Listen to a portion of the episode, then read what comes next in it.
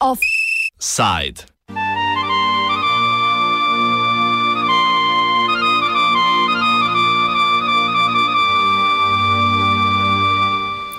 Da te nije SDA.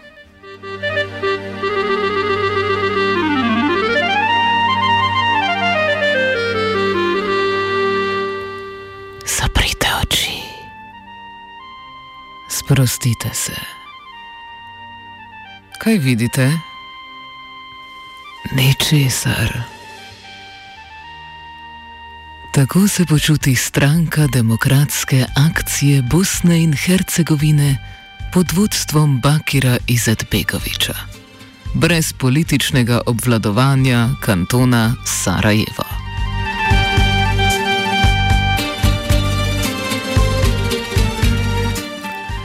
Po lokalnih volitvah pretekli konec tedna, ko so prebivalci Bosne in Hercegovine izbirali svoje predstavnike na najnižji ravni v občinah, je jasno, da stranka izgublja moč. Še krvoločnejši udarec je bil odstop premijeja kantona Sarajevo Marija Nenadiča, torej predsednika srednje ravni politične oblasti v Bosni in Hercegovini. Ta sicer ni član stranke Demokratske akcije, temveč stranke za boljšo prihodnost, ki je februarja letos s koalicijsko pogodbo po dobrem letu delovanja prejšnje vlade SDA ponovno vrnila v vladno palačo.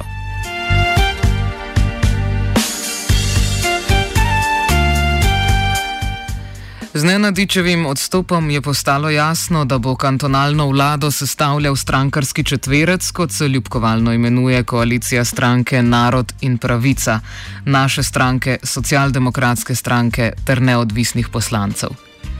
Tak razplet je sicer četverec, pa tudi Nenadič sam, napovedal že pred mesecem dni. Vendar je premijer z odstopom za vsak primer počakal do rezultatov lokalnih volitev in odstopil le pet dni pred napovedanim glasovanjem o nezaupnici v kantonalni skupščini. Odstopljena koalicija stranke za boljšo prihodnost, stranke demokratske akcije in demokratske fronte namreč nima več večine, to je 18 poslancev v skupščini, in bi bilo njeno delo oteženo.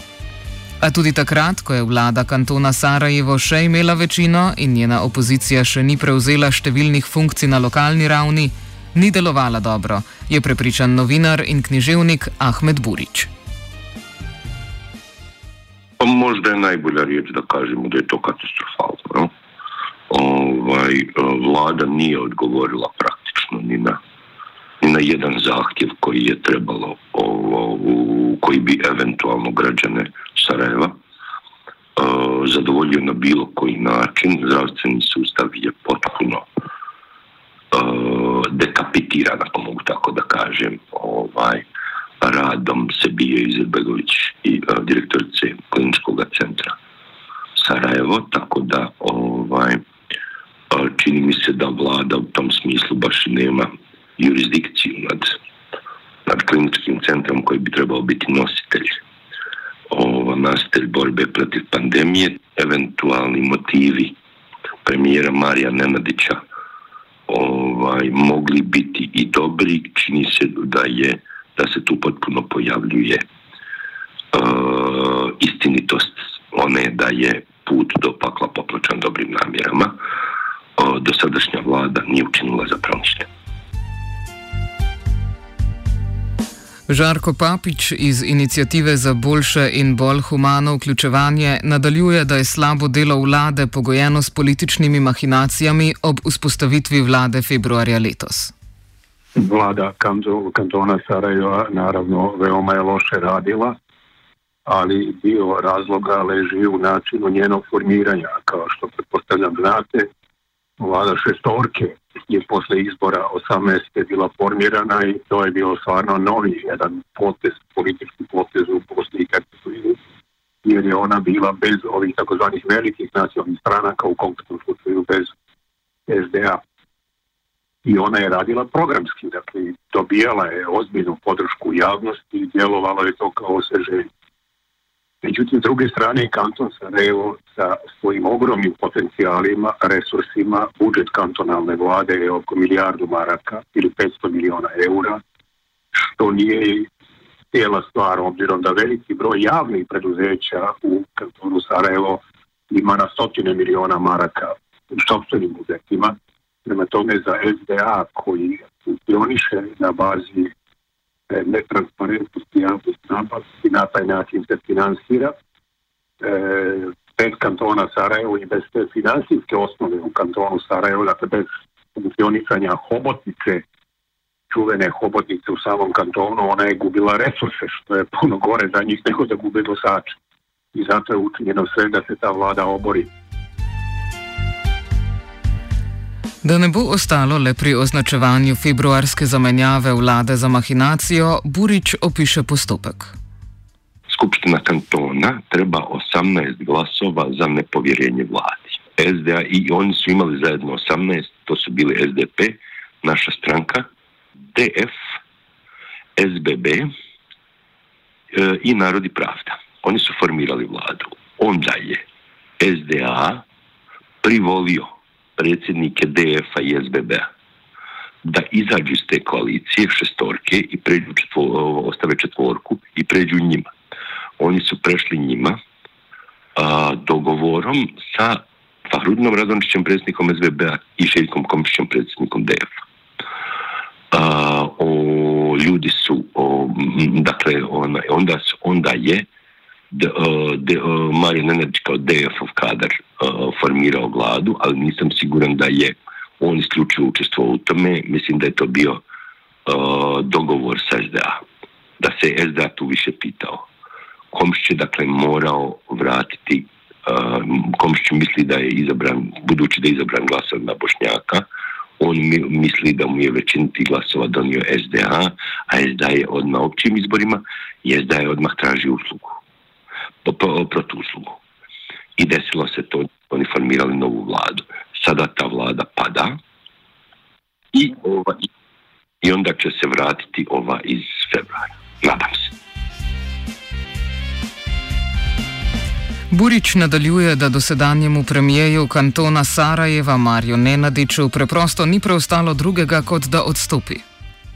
On čovjek očigledno vidi dvije stvari. Vidi da se raspada ta koalicija. Da se raspada koalicija oko SDA i da se SDA očigledno diferencira na, na, ovaj, na, nekoliko, na nekoliko lobija e, i u tom smislu, a budući da su oni bili glavni nosioci uh, te vlade, imali su najveći broj glasova. Ova, jednostavno činilo mu se da je ovo pravi trenutak, čini mi se da mu se da pravi trenutak da odstupi i da pokušaju napraviti jer su uh, ove stranke koje su činile dosadašnju uh, vladu do, do februara, ovaj, uh, mislim na mislim na Narodi pravdu Dine Konakovića, SDP i našu stranku, ova koji su bili formirali takozvanu Fortinu vladu, ova, da, se, da, da, da oni ponovo mogu, jer su oni počeli da rade dobre stvari, da oni jednostavno, nadam se da će, bez obzira na pandemiju, oni nastaviti s tim. Ova, da će ta vlada ići, ova, da će ta vlada ići u skladu sa rezultatom lokalnih izbora.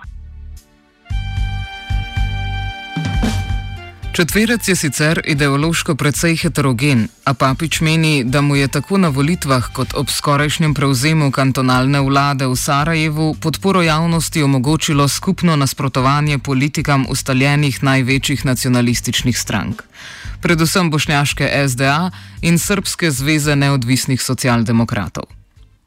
Zelo formirane koalicije nenacionalnih stranaka se tvorce, ona jeste ideološki heterogena, ali istovremeno se ujedinila na nekoliko bitnih stvari, to je dakle borba protiv kriminala i korupcije, protiv nepotizma, ajde za poštenu politiku, ako mogu kraćeno da govorim. I naravno to je naišlo na veliki odsjek birača, dakle kako god bilo da bilo u četiri opštine od ukupno devet u kantonu ta četvorka, dakle nova koalicija, SDP, naša stranka, ovaj, narod i pravda i e, ova nam su dobili to što su dobili. logično je bilo da paralelno s tim procesom ide i pad većine, ubitak većine za vladu kantona. To se desilo već prije izbora, s tim što je jedan od ključnih ličnosti u stranci SDA, tadašnji i dalje član federalne vlade i ministar policije, e, otkazao podršku kantonoj vladi, a on je bio i taj kantonoj skupštini. Kljub svežemu vetriču v kantonalni politiki pa ureditev razmer v Sarajevu ni samoumevna. Papič opiše nevarnosti, ki pretijo bodoči vladni koaliciji. Postoji opasnost. Pazite, rekao sam ideološki heterogen. Formalno gledano, mada ja nikad nisam razumeo tu terminologiju, e, narod i pravda je takozvani desni centar, a e, socijaldemokratska partija i naša stranka su takozvani lijevo-građanski centar. Šta god to značilo. E, ideološke razlike postoje.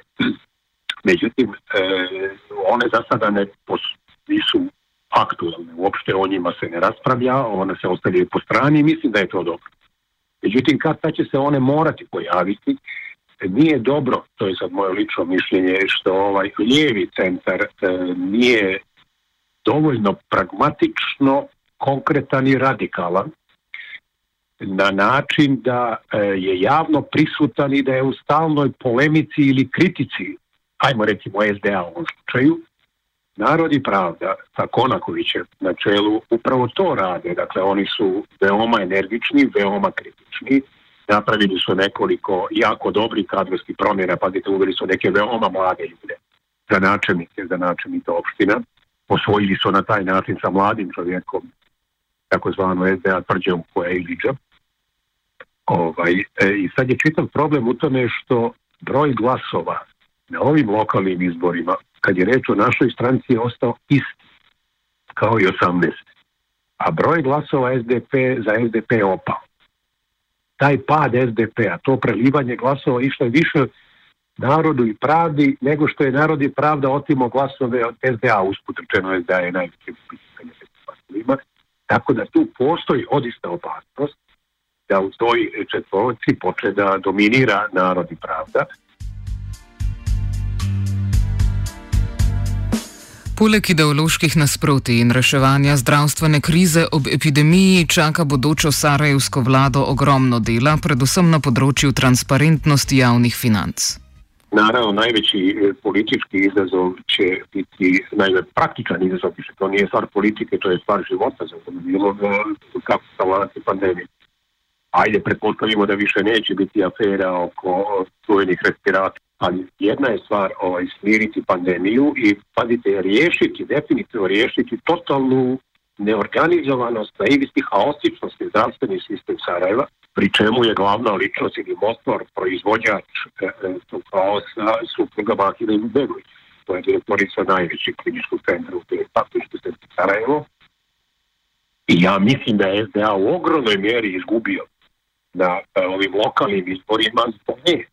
Ali i mislim da se svi slaže veći deo takozvanih ili ne takozvanih analitičara uveta. To je S druge strane, odista se mora učiniti nešto na racionalizaciji toga što je kantonalna uprava i na njenoj transparentnosti, prije svega kad je reč o javnim preduzećima, javnim kompanijama u Sarajevu. Dakle, tu je toliko nerašćenih stvari da to prosto vapije za nekom vrstom provetravanja ili pospremanja, što je slogan naše stranke i s treće strane neko se mora stvarno orijentisati na ozbiljnu podršku ekonomskom razvoju i socijalnoj stabilizaciji u kantonu Sarajevo. Burič verjame, da tako rezultati lokalnih volitev kot zamenjava vlade v prestolniškem kantonu, če nič drugega, kažejo na spremembe politične krajine in da lahko govorimo o možnosti zatona poglavitnih nacionalnih strank v Bosni in Hercegovini. Možemo, jer je Dodik okoštao u, Dodik je okoštao u toj, u skoro ratnom narativu Miloševićevskog tipa.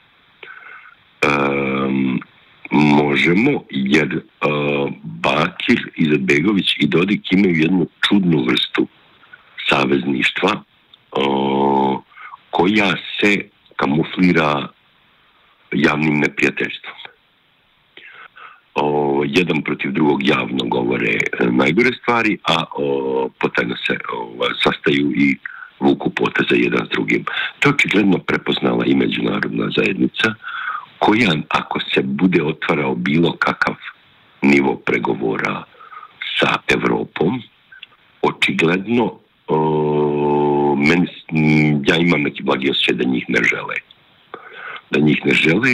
Izvegović je dugo bio dugo bio američki izbor za, za predsjednika Bošnjaka i zbog ratne stečevine koju mu je ostavio otac, a i zbog činjenice da Amerikanci ne vole više komuniste ali ovaj ali u ovom trenutku mi se čini uh, da se njega polako ostavlja da bi se dala šansa nekom drugom možda Konakoviću da Bošnjake nekako europeizira, ako mogu tako kažem, ili barem ušminka za, za, za, za eventualne, eventualno pristupanje EU. A ovo što se tiče Republike Srpske, tamo je još uvijek dominantan ratni narativ. Međutim, i to se polako otapa. Tudi Papič vidi v zamenjavi kantonalne vlade v Sarajevu oster prelom v razvoju politike samostojne Bosne in Hercegovine, celo močnejši od konca vladavine Mila Đukanoviča v Črni Gori. Dakle, promjena se desila u Crnoj Gori, ali na vlast su došli desničari. Vrlo specifično e, e, pravoslavni fundamentalisti, ako tako mogu. Promjena u Banja Luci je također veoma važna kao promjena. Ali e, novi gradonačelnik je, ja moram, ne verujem da je prerana procjena, jedan sofisticirani, mekani, pamučni srpski nacionalist koji negira postojni crnogorske nacije, koji e, je u par navrata ovaj, napravio bukvalno nacionalističke izjave. I to je neka vrsta ajmo reći vrlo modernog u pojavnom obliku, dakle on je mlad, e, svi ga vole, rječit je, shvatio je da se mora kontaktirati s ljudima i tako dalje, međutim iza toga stoji ovo što sam pokušao najkrike da opišem, za razliku od te dve promjene promjena u Sarajevu, posebno kad je reč o SDP-u i našoj stranci, e, odista u sebi nosi e, temeljniju promjenu političke orijentacije. Pazite, nije za mene izmor između poštenih i nepoštenih nacionalista, pa onda navijam za poštene. Neću zaboraviti da su oni ipak nacionalisti. Salam alaikum, vlada kantona Sarajevo. Aleikum salam, nova vlada kantona Sarajevo. Merhaba.